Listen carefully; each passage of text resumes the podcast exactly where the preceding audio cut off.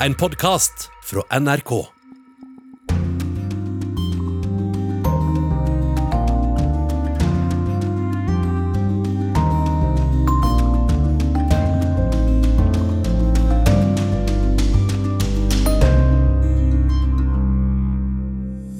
Våpendebatten etter nok en skolemassakre i USA er bitter.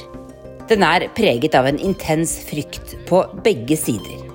Og folk på landet står mot folk i byene. Forteller Tove Bjørgaas, som selv har et barn på amerikansk skole. Al Jazeera-reporter Nida Ibrahim måtte dekke drapet og begravelsen til sin nære kollega. I had to jump and be on air uh, within the first six minutes of learning the news that she was uh, killed. Hun håper på en internasjonal gransking av drapet på Shirin Abu Akle. Hvor er det blitt av president Emmanuel Macron? Hvor er presidenten som nettopp ble valgt, spør f.eks. Thierry Guerrier på Sud Radio. Etter fotballskandalen i Paris sist helg har han vært uvanlig stille. Sørkoreansk boyband besøkte Det hvite hus for å be president Biden bekjempe rasisme mot asiater. Og i Egypt har arkeologer funnet papyrus som viser veien til dødsriket. Nå håper de på flere spektakulære funn. Og i korrespondentbrevet forteller Yama Wolasmal om hvorfor journalister vil dra inn i krigsområder. Du lytter på Urix på lørdag, og i studio Sissel Wold. Først skal vi til Ukraina, der krigen nettopp har passert 100 dager.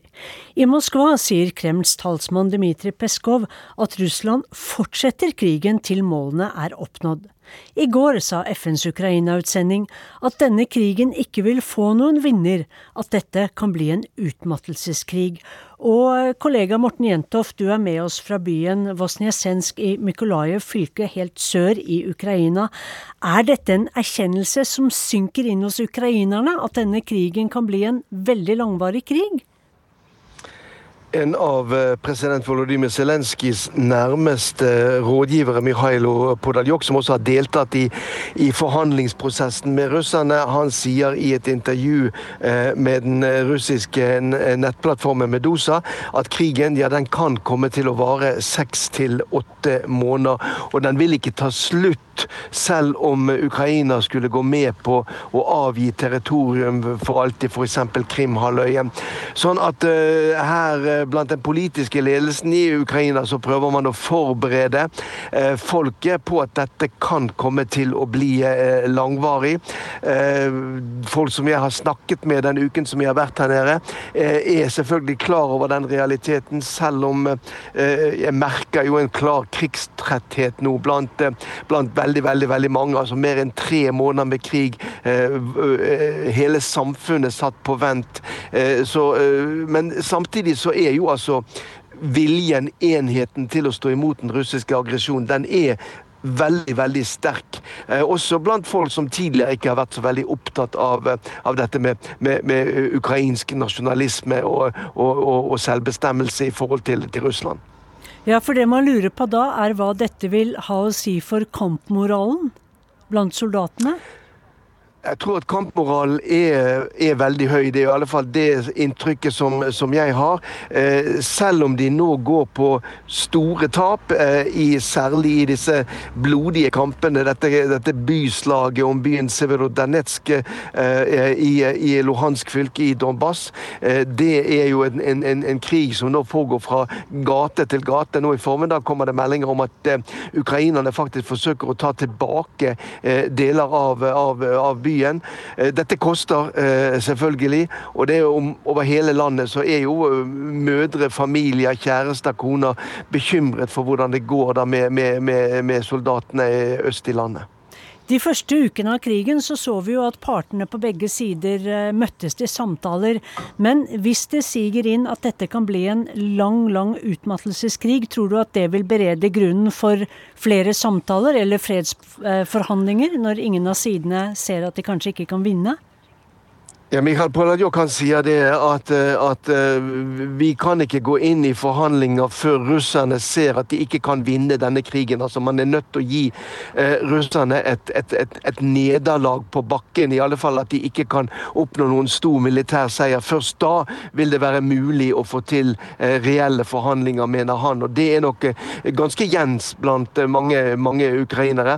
Mens altså russerne nå har jo definert, eller nedjustert, sine mål for denne krigen ganske klart fra å ville skifte ut hele den politiske ledelsen i Ukraina, nærmest ta kontroll over hele landet, så handler det nå først og fremst om å sikre seg en slags delseier i Donbas-området, som, som, eh, Vladimir Putin kan selge til et hjemmepublikum og si det at vi, vi har oppnådd målet vårt med å, å frigjøre, som han sier, da, eh, de russisktalende, de hovedsak russisktalende som bor i dette området. Takk til deg så langt, eh, Morten Jentoft i Ukraina. Vi kommer til å høre mer fra dere i andre sendinger.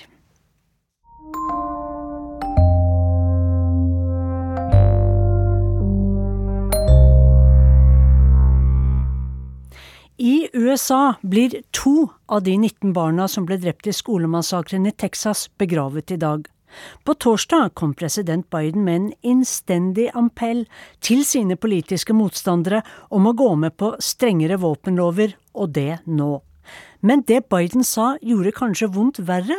Det tror USA-korrespondent Tove Bjørgaas, for debatten om våpen er en av de debattene som splitter amerikanerne aller mest.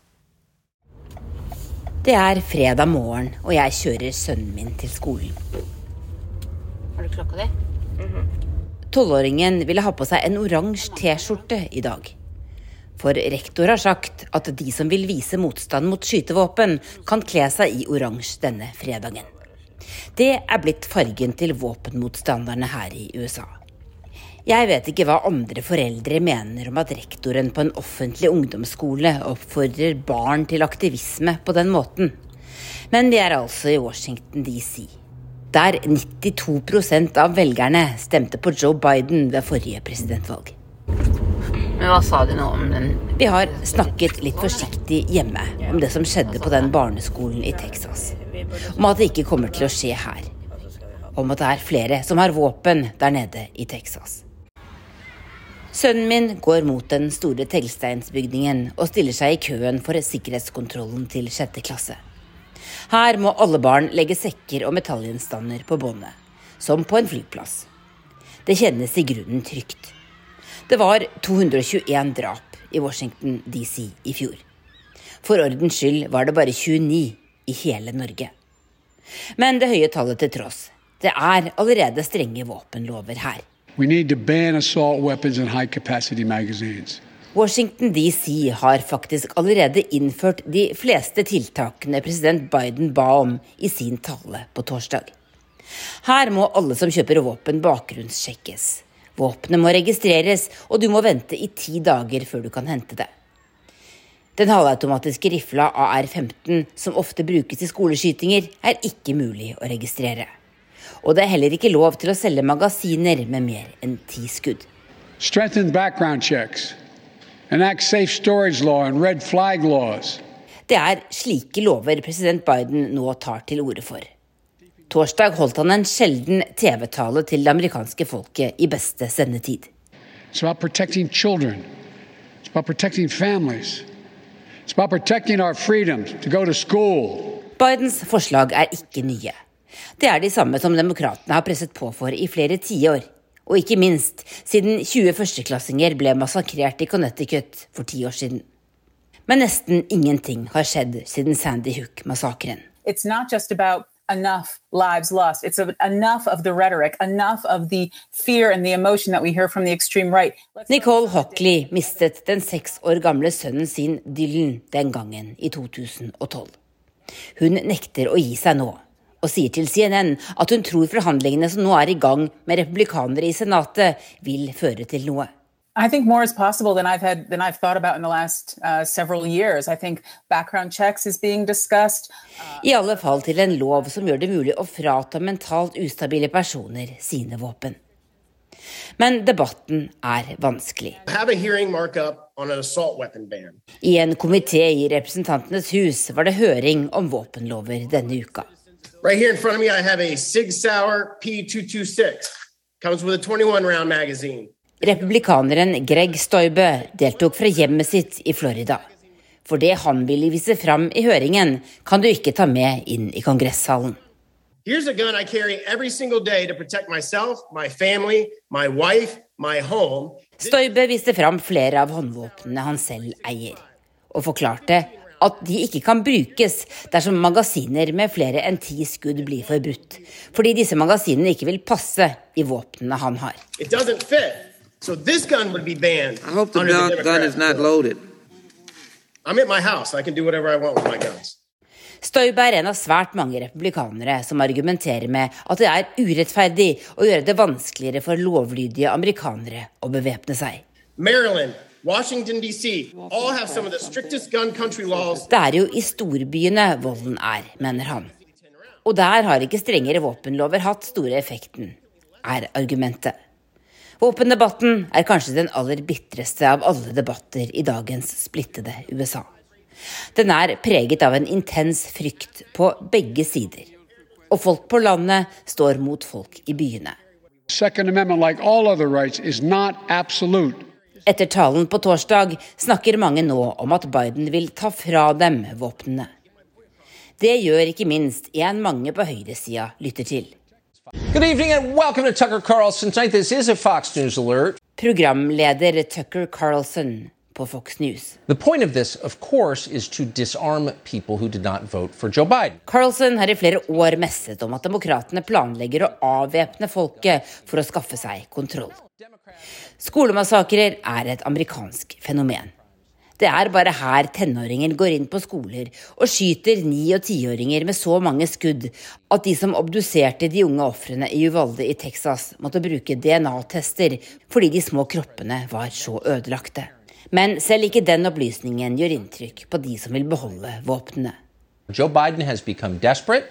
He's decided to leverage the murder of 19 children in Texas last week for political advantage. Joe Biden bruker barn som pressmiddel, sier Tucker Carlson på Fox News.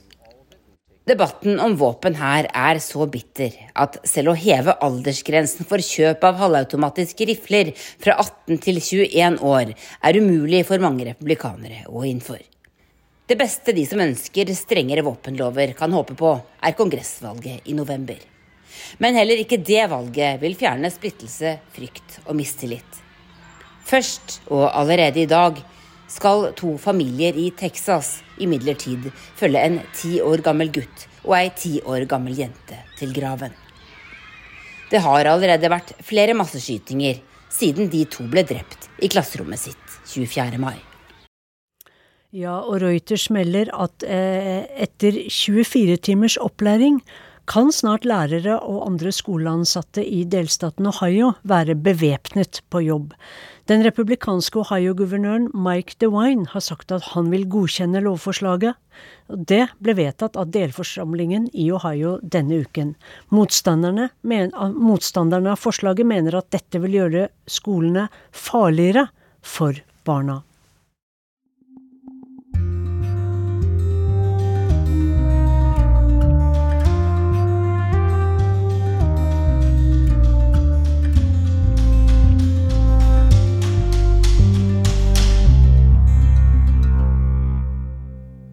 Nå til Frankrike, for sist lørdag gledet tusenvis av fotballfans seg da Liverpool og Real Madrid skulle møtes i Champions League-finalen på Stade France i Paris. Men i stedet for fotball fikk supporterne kaos og fiasko. Tusenvis av briter med gyldige billetter kom seg ikke inn på stadion, og over 400 millioner TV-seere kunne se hvordan kriminelle gjenger angrep fotballsupporterne uten at politiet grep inn. Nå er det oppvask i Frankrike, men ikke alle vil ta noe ansvar. Johan Tolgert rapporterer fra Paris. Fotbollsklubben Liverpool har fått in över 5000 vittnesmål från supportrar som blev sjokkert av den franska polisens angrepp vid Stade de France. Nu tillbys fansen psykologisk hjälp. I Frankrike är opprørspolitiets taktik att slå alla uansett om man er skyldig eller ikke. Polisen har order om å gjøre folk redde for å vise hvem som har makten i samfunnet. La théorie française du maintien de l'ordre, c'est une théorie de l'escalade. Dette forklarer den kjente forskeren Sébastien Rocher for Urix. Han er specialiserad på polisfrågor vid statlige instituttet CNRS. C'est-à-dire que la police se prépare à toujours faire usage de plus de force. Frankrike skammer seg, har flere nationella medier hatt som rubriker. Men trots svidande kritik fra hele verden hävdar landets inrikesminister Gérald Darmanin at fransk polis gjort et ganske godt jobb.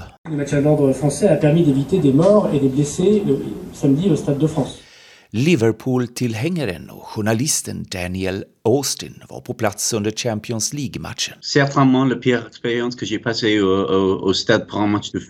Han sier at fransk polis oppførsel var det verste han opplevde som fotballsupporter. Folk var skrekkslagne og det var et mirakel at ingen dog, sier Daniel Austin til fransk TV. Statistikk viser at polisvåldet skjøt i høyden redan etter det at Emmanuel Macron ble Frankrikes president 2017. Forskeren Sébastien Rocher igjen. le mandat d'Emmanuel Macron a été marqué par une élévation de la violence policière. I april valdes Emmanuel Macron åter til landets president. Ikke bare polisens taktik får internationell kritikk. I EU-parlamentet og i FN har man uppmanat Frankrike att genast stoppa polisens anvending av gummivapen og handgranater. Alors, si j'étais euh, ministre de l'Intérieur, c'est-à-dire que retirer les grenades qui sont susceptibles de mutiler, retirer les LBD, ça peut être fait très rapidement. Hade jeg vært inrikesminister, sier författaren Anne-Sophie Saint-Père, som også jobber på Amnesty International France. Da skulle jeg umiddelbart forbude våpen som kan lemleste kroppsdeler. Amnesty International har beaucoup documenté les arrestations de manifestants pacifiques. Ann-Sofie Samper berättar at 25 personer fått et øye forstört av polisens gummikulor og fem personer fått handen bortskjuten av polisens granater. Fast det er vel ändå ikke så mange, anser Grégory Joron, talesperson på polisernas fackförbund SGP. For honom har fransk polis ikke orsakat noen større skada. Mm. Et ces 30 personnes sur euh, euh, des millions de personnes dans la rue pendant un an. I organisationen De lemlestede vil man sätta fokus på just polisvåldet. Medlemmene består av folk som forlorat en kroppsdel på grund av polisvoldet. Ibland organiseras manifestationer på boulevarderna. J'en veux au donneur d'ordre et j'en veux au policier qui m'a visé et qui m'a tiré dessus. Jeg er förbannad på polisen som avfyrade en gummikula mot mitt öga, sier 37-åriga Vanessa Longar og rättar til ögonbindeln som skyler det krossade ögat. Häromåret medverkade Vanessa Longar i en demonstration med de gula västarna. Hon arbetade då som glasmästare de gula västarna er en protestrørelse som startet med lørdagsdemonstrationer i november 2018 og der president Macron er symbolen for en nyliberal politikk med sociala neddragninger. Enligt reglene skal polis stå på minst fem meters avstånd for å få lov å avfyre en gummikula og det er förbjudet å sikte på hodet. Men polismannen fulgte ikke reglene nå er mitt liv ødelagt, kommenterer Vanessa Longar. Etter polisattackene er mange franskmenn redde. Når sommer-OL starter i Paris 2024 er det sikrest å reise bort, sier pensjonæren Monique. Avec le fiasco du Stade de France, et euh, je ne pense pas rester sur Paris pour euh, les Jeux olympiques. Og midt i denne opphetede debatten glimrer den ellers så aktive og nyvalgte presidenten Emmanuel Macron med sitt fravær. Hvor er han egentlig, spør pressen, for det er bare én uke til valg på nasjonalforsamlingen. Det var til lyden av Beethovens niende symfoni at en henrykt og ambisiøs Emmanuel Macron tok seiersrunden etter presidentvalget i Frankrike 24.4 i år. Han lovet markante endringer. Dette skulle ikke bli noen forlengelse av de fem siste årene. Ce peuple nouveau, différent d'il y a cinq ans, a confié à un président nouveau, un mandat nouveau. Le temps qui s'ouvre sera celui d'une action résolue pour la France et pour l'Europe. Et nytt folk har gitt en ny president et nytt mandat. I tiden som kommer vil det bli resolutte endringer for Frankrike og for Europa, sa Macron da han ble tatt i ed. Men siden valgnatten har det vært ganske stille fra presidenten. I løpet av de seks ukene som har gått, har han vært hovedsakelig å se under internasjonale toppmøter. En underlig strategi når det er parlamentsvalg om en uke, mener enkelte politiske kommentatorer. Où est passé Emmanuel Macron. Oui, c'est en tout cas la question que nous sommes tous en droit de nous poser. Où est passé le chef de l'État que les Français ont réélu il y a bientôt trois semaines Hvor er Emmanuel Macron? Hvor er presidenten som nettopp ble valgt? spør for eksempel Thierry Guerrier på Sud Radio. Professor i statsvitenskap ved Universitetet i Oslo, Raino Malnes, følger nøye med på fransk politikk. Han tror presidentens fravær er et bevisst grep. Det kan virke som han forsøker å ligge så lavt det lar seg gjøre når det gjelder å ta klare politiske standpunkter. Og så hamrer han løs på én en eneste ting, nemlig at alternativene er ekstreme. Det er ytre høyre, og det er en venstreside som er kraftig radikalisert. Så stem på oss, fordi alternativene er å kaste Frankrike ut i, en, uh, i et politisk kaos. Macrons nylig omdøpte sentrumsparti, Renaissance, ligger foreløpig an til å vinne parlamentsvalget. Men en fremvoksende og sammenslått venstreside kan gjøre at det absolutte flertallet glipper.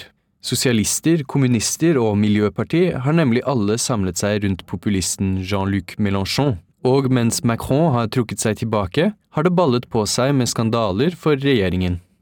Kaoset utenfor Stade de France under mesterligafinalen lørdag forrige uke har dominert nyhetsbildet. Macron valgte å holde seg taus om temaet da han ble konfrontert av journalister i Brussel, der han var på EU-konferanse. Monsieur le Président, il y a fiasco au Stade de France dans l'organisation de la Ligue des Champions. Les, les, Brita les Britanniques demandent Jeg kommer ikke til å kommentere denne saken, sa Macron da. Men bak lukkede dører skal presidenten ha blitt rasende på innenriksminister Gérald Darmanins mangelfulle håndtering av saken. Det er klart det er, det er en belastning for regjeringen. Men først og fremst er problemet er at dette er en ikke veldig stor sak som kommer i tillegg til en annen sak som har ligget der og gjort at den nye regjeringen har fått en litt sånn uheldig start. Mesterligafiaskoen er nemlig ikke den eneste saken som har preget innspurten til parlamentsvalget. 21. mai, dagen etter at den nye regjeringen ble utnevnt, fortalte to kvinner avisen Mediapart om hendelser i 2010 og 2011 da solidaritetsminister Damian Abad angivelig skal ha voldtatt dem. Abad nekter for anklagene, men saken har vakt protester likevel, både blant opposisjonspolitikere og på gaten. Under en demonstrasjon i Paris 27. mai ble det ropt Abad gå av. Raino Malnes tror imidlertid det er liten grunn til å bekymre seg for Macron. Skandaler til tross. Men jeg tror som sagt ikke det vil ha veldig mye å si. Jeg tror ikke det er mange som si, skifter politisk preferanse, som stemmer på venstresiden pga. dette her. Det, det, vil jeg ikke tro. Men som sagt, mye sånn negativ oppmerksomhet kan gi seg også utslag i Om ikke folk skifter parti, så, så, så lar de være å stemme, kanskje. Det gjenstår å se om Macrons strategi fungerer. Første runde i det franske parlamentsvalget er søndag 12. juni. Og det sa reporter Philippe Bedos Ulvin.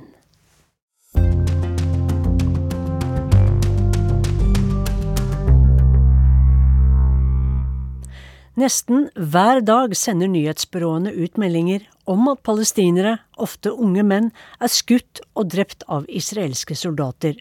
Som regel registreres dette knapt i mediene, for vi er så vant til det. Men da den kjente Al Jazeera-journalisten Shirin Abu Akle ble skutt og drept ved Jenin på den israelske okkuperte Vestbredden 11. mai, skapte det overskrifter og sinne. Kollegaen hennes, Nida Ibrahim, etterlyser større interesse for palestinernes situasjon fra internasjonale kolleger. Hun måtte selv dekke drapet på sin nære kollega.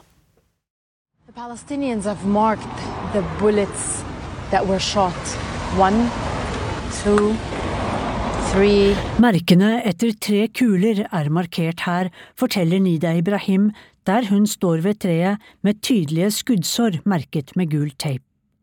Her ble hennes nære kollega Sherin Abu Akle drept få timer tidligere. Vi regner med at den fjerde kulen traff henne i hodet, sier Ibrahim rett til kamera. Nida Ibrahim er et svært kjent ansikt for alle som ser på TV-kanalen Al Jazeera English. Nå ser vi at ansiktet hennes er hovent, hun har grått. It was very hard. I was trying to keep myself from crying on air. Sometimes I succeeded, sometimes I didn't. Det var så vanskelig. Jeg forsøkte å ikke bryte sammen på lufta. Jeg sa til meg selv at jeg gjør dette for henne, jeg må få historien ut, sier Ibrahim på en litt hakkete linje fra Ramallah. She was a, a, star for me before I used to work for Al Jazeera. She was a role model. Shirin var en rollemodell for meg. Hun var et stort navn. Men først da vi begynte å jobbe sammen i Al Jazeera, ble jeg kjent med personen Shirin. Vi jobbet side om side, hun rapporterte på arabisk og jeg på engelsk. Vi spiste ofte sammen ute i felt. Uh, hun fortalte at hun studerte hebraisk for å forstå mer, og hun underviste i journalistikk på Bir Zeit-universitetet. Hun var morsom og hjelpsom, noe som slett ikke alltid er tilfellet med så kjente journalister, forteller Ibrahim. Begravelsen fant sted i Jerusalem, men også i Jenin, Nablus og Ramallah tok store folkemengder farvel med henne. Those in Nablus, those in other places knew that they could not uh, Palestinerne der visste at de ikke ville få tillatelser til å være med på begravelsen i Jerusalem. De ville ikke slippe gjennom de israelske kontrollpostene. Derfor ble det så mange seremonier, forklarer hun. Men hvorfor var hun så elsket? Why was she so important to the Palestinian people? Because she was 24/7 with Al Jazeera team covering the Israeli invasion to the occupied West Bank. But also she was telling Palestinians information that they wouldn't know otherwise. Hun kom hjem til alle palestinere via skjermen. I 20 år har hun fortalt dem hva som skjer, gitt dem informasjon de ikke ville fått fra andre, om stengte kontrollposter, om hvor den israelske hæren var, hva de drev med og hva som skjedde i nabobyene. Shirin var en de respekterte høyt og som de stolte på, og hun ble nesten som et familiemedlem, sier hun. Men bildene fra gravferden sjokkerte alle som så dem. Da kisten hennes skulle bære inn i kirken, for Shirin Abu Akle var palestinsk kristen, gikk israelske sikkerhetsfolk løs på dem som bar kisten med batonger, og på ett punkt holdt kisten på å falle i bakken.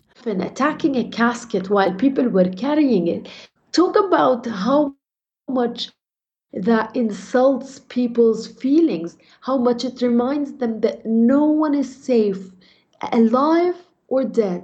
At hun ikke engang fikk fred inni kisten sin, minnet palestinerne om at de aldri får fred fra okkupasjonsmakten, sier Nida Ibrahim. Ibrahim er i likhet med andre palestinere opprørt over at Israel sår tvil om hvem som skjøt og drepte. Amerikanske CNN har jobbet grundig med saken, verifisert flere videoer og konkludert med at det må ha vært den israelske hæren IDF som skjøt og drepte. De var på skuddhold 200 meter unna, et skudd traff Shirin Abu Akle under hjelmen. Israel på sin side hevder at journalisten ble truffet under en skuddveksling mellom deres soldater og militante palestinere. But the fact that we're seeing something from CNN uh, just on Shirin Når vi ser CNNs dekning, ser vi hvordan det kunne ha vært om bare CNN og andre internasjonale medier hadde fulgt situasjonen vår tettere, sier Ibrahim, som reagerer på at den israelske narrativen, versjonen, synes å bli trodd mye oftere enn den palestinske. We were hoping that the Americans would be more um, uh, pushy when it comes to um, uh, the investigation. People... Vi hadde håpet at amerikanerne ville jobbe mer for å få en internasjonal gransking av drapet. For Shirin Abu Akle var også amerikansk statsborger. Men nå er det jo slik, sier jeg, at den israelsk-palestinske konflikten får langt mindre oppmerksomhet enn før. Merker hun ikke det?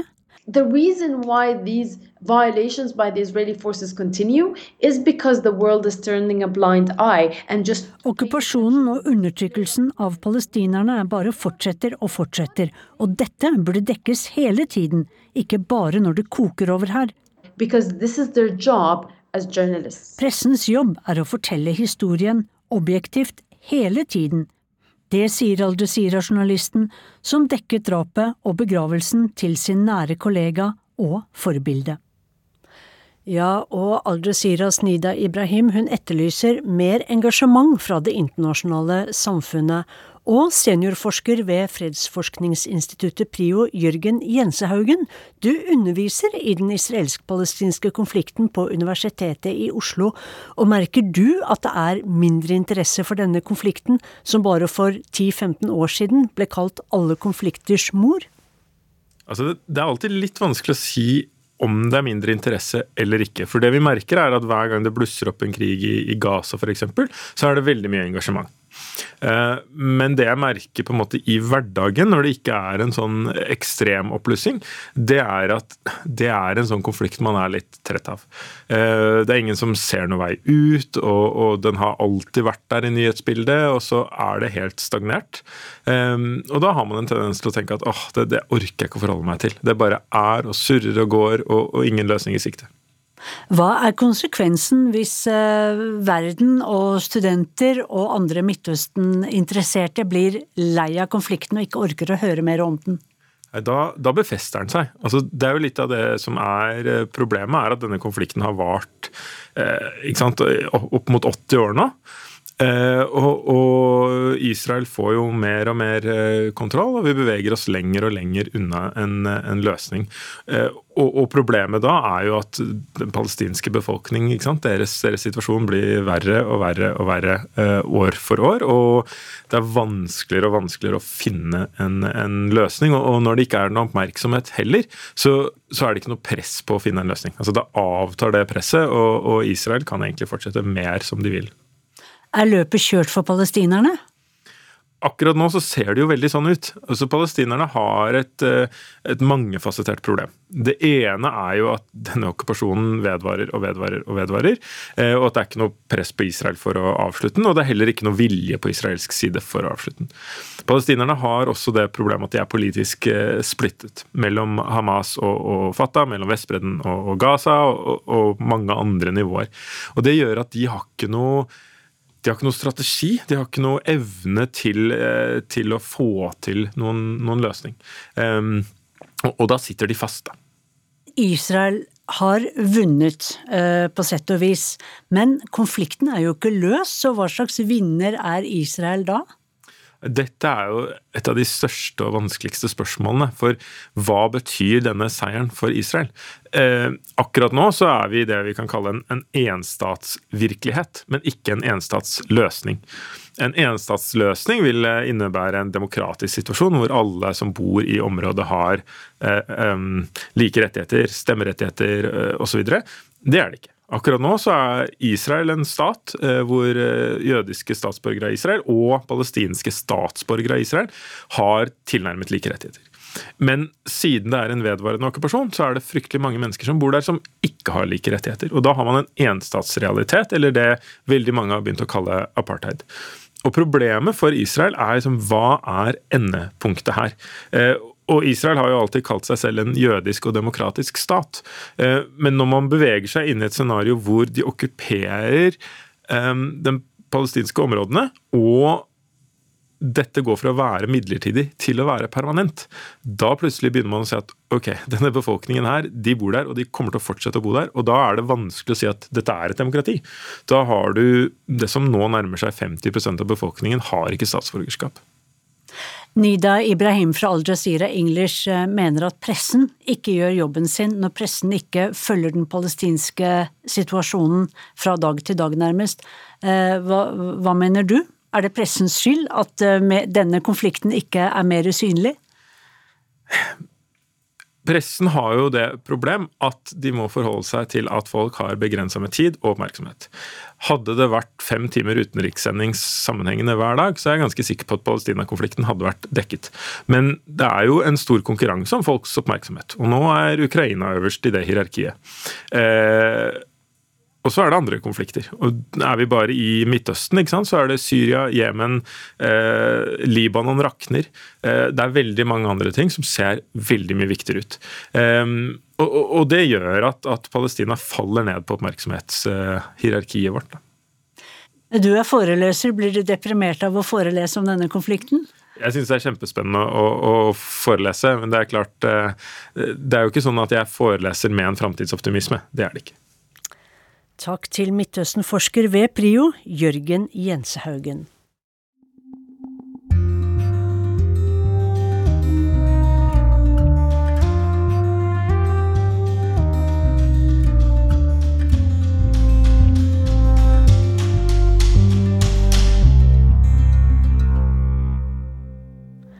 President Richard Nixon fikk i sin tid besøk av Elvis Presley. Og denne uken fikk president Joe Biden besøk av det koreanske boybandet BTS. De syv guttene er blitt verdensstjerner, og som nominerte opptrådte de under Grammy-utdelingen i USA tidligere i år. K-pop og sørkoreansk populærkultur har tatt verden med storm, og tenåringsguttene som startet med å synge om kjærlighet, ensomhet og dårlig selvfølelse, setter nå politiske spørsmål på dagsorden. og blant asiater over hele verden blir det satt stor pris på at de har turt å heve stemmen mot hatkriminalitet og rasisme mot asiater i USA.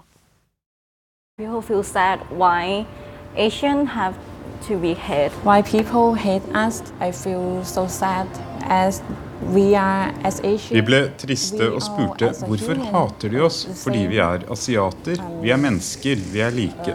Natnari og Julani snakker om hvordan unge asiater over hele verden ble skremt og sjokkert da hatkriminalitet mot asiater og rasisme spredte seg eksplosivt i USA under pandemien.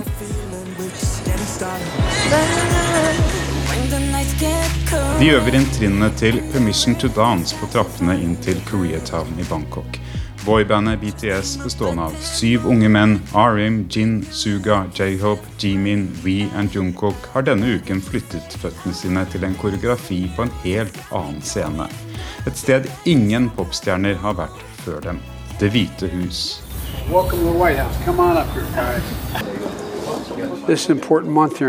K-pop-bandet hevet stemmene sine mot hatkriminalitet i USA og ble lyttet til. People care a lot about what you say and what you're doing is good for all people. It's not just your great talent, it's the message you're communicating. It matters. Natnari er redaktør for en fankonto på Twitter og oversetter tekstene fra koreansk, engelsk og japansk til thailandsk. Julani er som hun sier bare fan. BTS i Det hvite hus de har vanskelig for helt å ta det inn over seg. I'm, I'm so proud of them. Wow, my little boy since 2013, now he's Jeg er så stolt, sier Natnari. Jeg har fulgt dem siden de var små i 2013. Nå sitter guttene mine og prater med president Biden om globale spørsmål, sier Juliani. Butter, Dynamite og Magic Shop. Hitter som hevder seg på strømmetjenester ikke bare i Asia, men også i Vesten. I år var de nominert og opptrådte på den amerikanske musikkbransjens prisutdeling Grammy. I en k-pop-butikk i Bangkok ser ungdom etter alt fra postere, nøkkelringer, mobildekser med k-pop-logoer, sangtekster og bilder av idolene. K-pop er vokst til å bli en milliardindustri, men samtidig har hatkriminaliteten mot asiater i USA eksplodert. Det skjedde etter at tidligere president Trump kalte koronaviruset for Kina-viruset. Ungdom som de her i butikken ble skremt. BTS hevet stemmen mot hatet langt unna hjemlandet Sør-Korea. Det er fint de bruker stemmene sine mot diskriminering. Det var uventet. Lenge var det ikke lov for k-pop-stjerner å uttrykke sine meninger, sier Pupipat, som går siste året på videregående. Hello, everybody. Good afternoon. Wow, så mye forventning. Det må være styremøte i sentralbanken, sier prestetalskvinne Karine Jean-Pierre når hun kommer inn i presserommet i Det hvite hus, fullt av de syv artistene i BTS. Ikke siden da Trump møtte pressen for første gang som ny president i 2017, har dette rommet vært like fullt. President Biden inviterte k-pop-bandet til Det hvite hus for å nå ut til asiatisk ungdom i USA og hele verden for å gjøre bedre kjent en ny lov mot hatkriminalitet som har fått støtte fra både demokrater og republikanere i USA.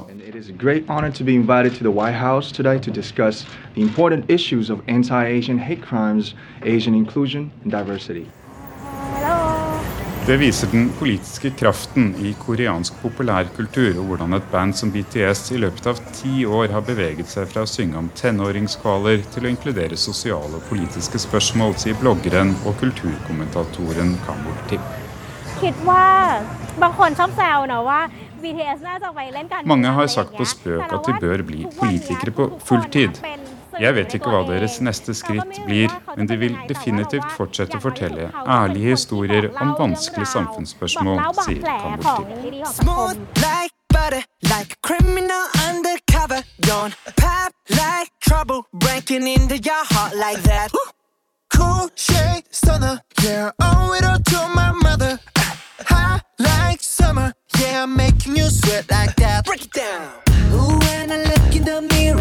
I'm not too hard to do. I got the superstar glow, so ooh, to the boogie. A side step right left to my beat. I like the moon rock with me. Det var Asia-korrespondent Philip Lota som hadde møtt BTS-fans i storbyen Bangkok. Hundrevis av kister, statuer, smykker og en papyrusrull som skal hjelpe de døde å finne frem, det fant arkeologer i Egypt for kort tid siden. Det er viktig å forstå vår egen historie, mener en egyptolog som reporter Anja Strønen har snakket med. Men først til filmen som vekket nysgjerrigheten for gamle skatter for flere enn vår reporter.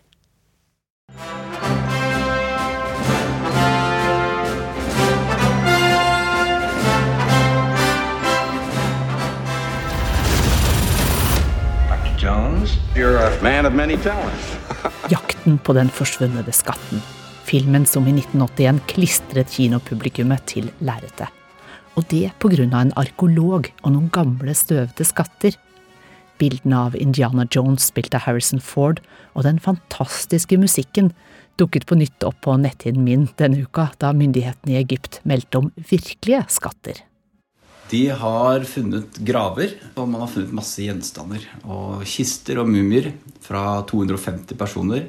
Og en del tilhørende utstyr fra gravene, sånn som eh, statuer av, eh, av guder. Eh, det er funnet en papyrus, og det er funnet amuletter og, og smykker.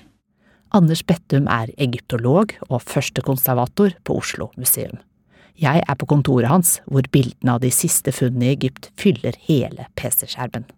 Det som gjør det så spesielt, er det, det antallet kister de finner. At det er så, det er så, det er så mange graver. 250 kister. Uh, så det er veldig uvanlig at man så, gjør så store funn. Da. Finner så mange mumier på en gang og på samme sted. Ja, Hva sier det, da? Det sier noe om at uh, den tidsperioden som disse kistene kommer fra, ca. 500 før Kristus, uh, at det var en tid hvor de hadde en ganske stor elite. Eh, det er, det, er, det er, jo de litt høye på strå som får sånne fine begravelser med nydelig malte kister osv. Disse kistene er formet som mennesker. De ser jo ut som eh, Det er jo figurer, da, så det er jo skulpturer i seg selv. Og den rikdommen som vi ser i disse gravene, tyder jo på at folk har hatt i hvert fall en stor eh, lavere, gruppe med lavere elitefolk. Som tyder på at samfunnet har vært ganske robust på den tiden her. Eh, Eh, og sen, sentiden i, i gamle egyptisk historie er jo en tid som man ofte forbinder med mye politisk turbulens. og sånne ting, Så det kan tyde på at det kanskje har vært en rikere tid enn det man har antatt tidligere. Eksempel. kan du si noe mer konkret om hvor det ble funnet? Ja, Dette er et funn som er gjort i Saqqara, som er den store nekropolisen, eller gravområdet, da, for uh, hovedstaden Memphis. Og Det var en utrolig viktig by helt fra fra forhistorisk tid, egentlig. Og de første faraoene etablerer seg der. Det er her på en måte alle de i pyramidetiden i Egypts historie så er det kongen har sitt sete der. og Derfor ligger alle de store pyramidene eh, rundt Memphis, og spesielt i Saqqara, som er den største nekropolisen. Det er også der, i det området at Kairo, hovedstaden, ligger i dag. Mens vi ser på bilder av funnene i Norge, så summer det av presse og nysgjerrige fra hele verden på selve funnstedet i Egypt. Her ligger alle gjenstandene, inkludert de 250 malte kistene, på rekke og rad. De gamle egypterne kunne kunsten å bruke fargene fra naturen. Og midt på plassen så snakker en begeistret generalsekretær for det øverste rådet for antikviteter i Egypt i en sliten mikrofon.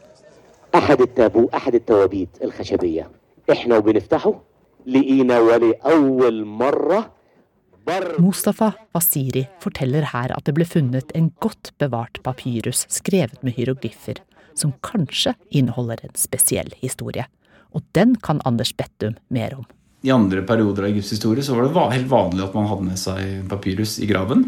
Eh, det var en slags det var dødeboken, som er et godt kjent begrep.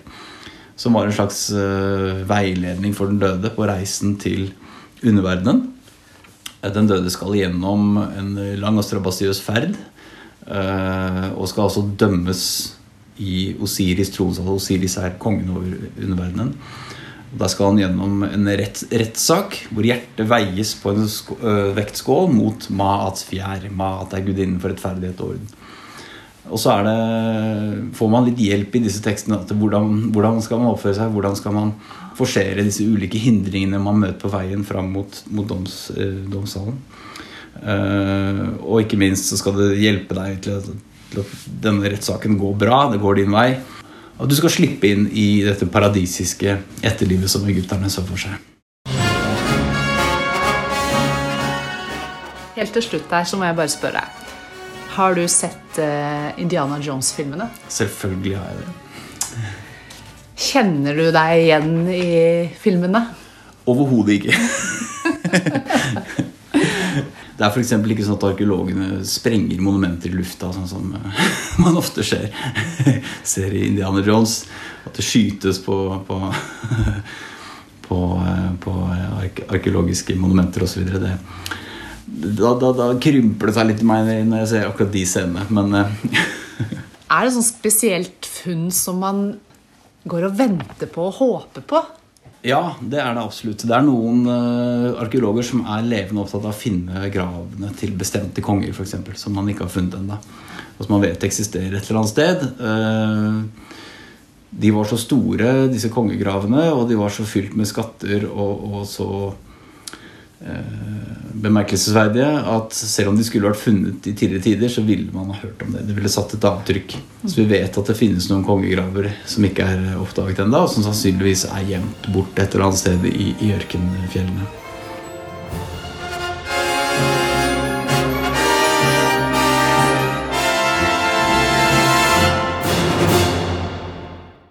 Det var egyptolog Anders Bettum du hørte på slutten her, og til glede for reporter Anja Strønen med flere tar vi med at den femte Indiana Jones-filmen kommer neste sommer. I ukens korrespondentbrev fra Beirut forklarer Yama Wolasmal hvorfor journalister velger, velger å reise inn i farlige krigssoner. Og vi skal tilbake til Jenin i Palestina. Shirin var på en rutinejobb. Israelske soldater hadde slått til mot noen adresser i Jenin på den okkuperte Vestbredden. Den erfarne journalisten skulle dekke militæraksjonen. Det hadde hun gjort utallige ganger. Al-Jazeera-journalisten visste at denne type aksjoner ofte kom ut av kontroll og ble farlige. Hun hadde derfor på seg både skuddsikker hjelm og vest med påskriften Press for å vise tydelig at hun er journalist. Hun går oppover en rolig gate sammen med en eh, gruppe andre journalister. Mobilvideoer viser at journalistene beveger seg rolig mens noen av de som filmer, skøyer og ler. Plutselig smeller det rundt dem. Takk, takk, takk, takk, takk, runger det ut i gatene. Journalistene kaster seg i dekning bak vegger og trær. De ser seg rundt for å forsikre seg om at alle er trygge. Men Shirin er ikke blant dem. Hun ligger livløs med ansiktet nede i bakken. Hun er truffet. Blodet siver ut på asfalten. Kollegene roper 'journalist, journalist', men kulene stopper ikke. Hun er død. Skutt i hodet av en israelsk soldat, ifølge arbeidsgiveren hennes Al Jazeera. Shirin Abu Akle ble 51 år gammel. Hun er en av 20 journalister som er drept på grunn av jobben sin så langt i år. Jeg var selv i Ukraina da den første journalisten i den krigen falt. Fotograf Lokman Gurbani og jeg hadde vært i landet i litt over en uke. Vi beveget oss sakte, men sikkert østover. Målet var Kiev, som på det tidspunktet var under full russisk beleiring. 13. mars satte vi oss i NRK-bilen og la ut på den to timer lange kjøreturen til Kievs eh, yttergrenser. Det var da de første nyhetsmeldingene for dagen tikket inn. Journalist drept utenfor Kiev, sto det. Jeg bråstoppet bilen langs veien og leste at den amerikanske journalisten Brent Renault var blitt skutt og drept i Irpin, en av Kyivs forsteder, et av områdene vi hadde tenkt oss til. Nesten samtidig tikker det inn meldinger fra bekymrede venner og familiemedlemmer i Norge. Hva faen gjør du der, Yama? Kom deg ut av Ukraina, skriver en av barndomsvennene mine med en sint emoji på slutten. Er du dum? Tenk på Shara og jentene dine, skriver en annen. Pulsen skyter i været. Vi står langs veien og må bestemme oss. Tankene er overalt. Jeg ser ned på mobilen og på skjermbildet av døtrene mine, som smiler søtt mot meg med maling i ansiktet. Er jeg en dårlig far? Er jeg ansvarsløs som velvillig reiser inn i et bomberegn? Hvorfor gidder jeg? De fleste journalister som dekker krig, blir konfrontert av sine kjære fra tid til annen. Vi må forklare hvorfor vi av og til må utsette oss for risiko. Familie og venner har naturlig nok vanskelig for å forstå hvorfor vi reiser inn i kriser og konflikter hvor liv og helse kan være utsatt. Etter at nyheten om Brents død spredte seg i Norge, måtte jeg igjen svare på slike spørsmål. Hva gjør vi nå? Skal vi fortsette? Skal vi snu? Etter en rask drodling blir Lokman og jeg enige om at det ikke lenger er trygt å kjøre mot den ukrainske hovedstaden. Vi ringer ledelsen på Marienlyst og familiene våre og orienterer dem om at vi eh, skroter Kyiv-planene. Vi ønsket ikke å dra inn i de uoversiktlige gatekampene rundt byen, hvor selv godt synlige journalister ble skutt mot. Men hvorfor velger vi å utsette oss selv for fare ved å dekke en krig? Jo, fordi mange av oss har sett hva krig gjør med et land og menneskene som bor der. Krig får frem de verste instinktene hos mennesker. De krigende partene mister ofte alle hemninger og sperrer man normalt har. Terskelen for å begå forferdelige overgrep blir lav. Man blir nummen for andres lidelser. Derfor er ofte de sivile lidelsene så store i krig. Det er en av grunnene til at jeg og mange av mine kolleger velger å reise inn i en krig. Vi vil vise krigens stygge ansikt. Vise hva en konflikt gjør med mennesker.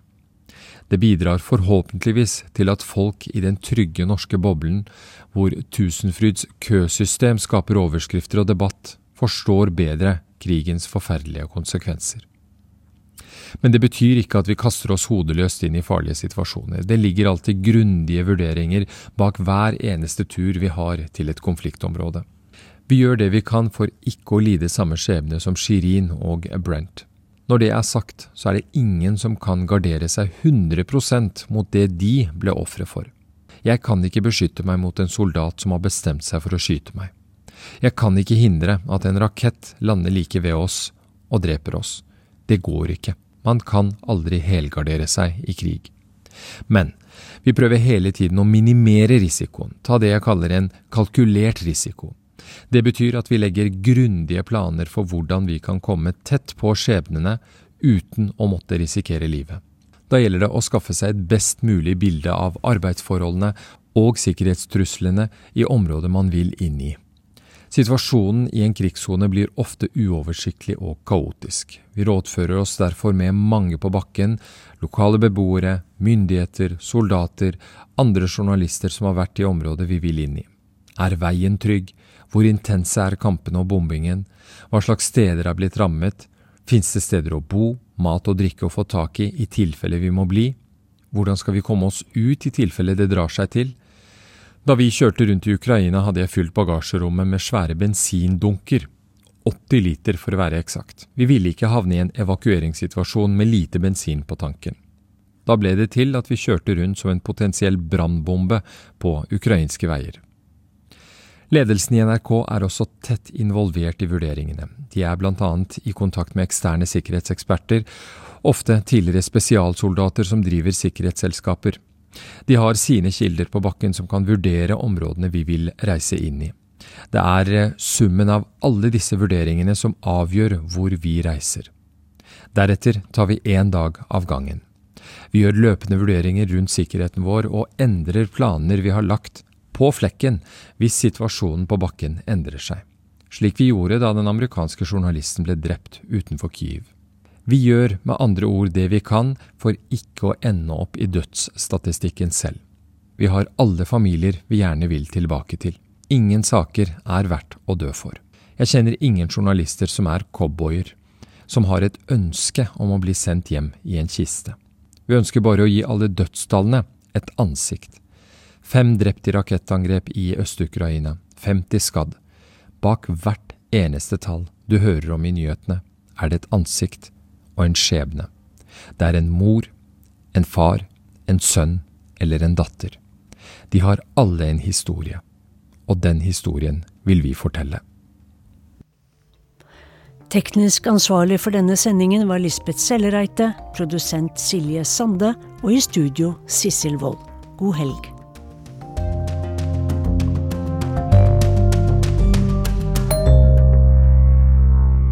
Du har hørt en podkast fra NRK. Hør flere podkaster og din favorittkanal i appen NRK Radio.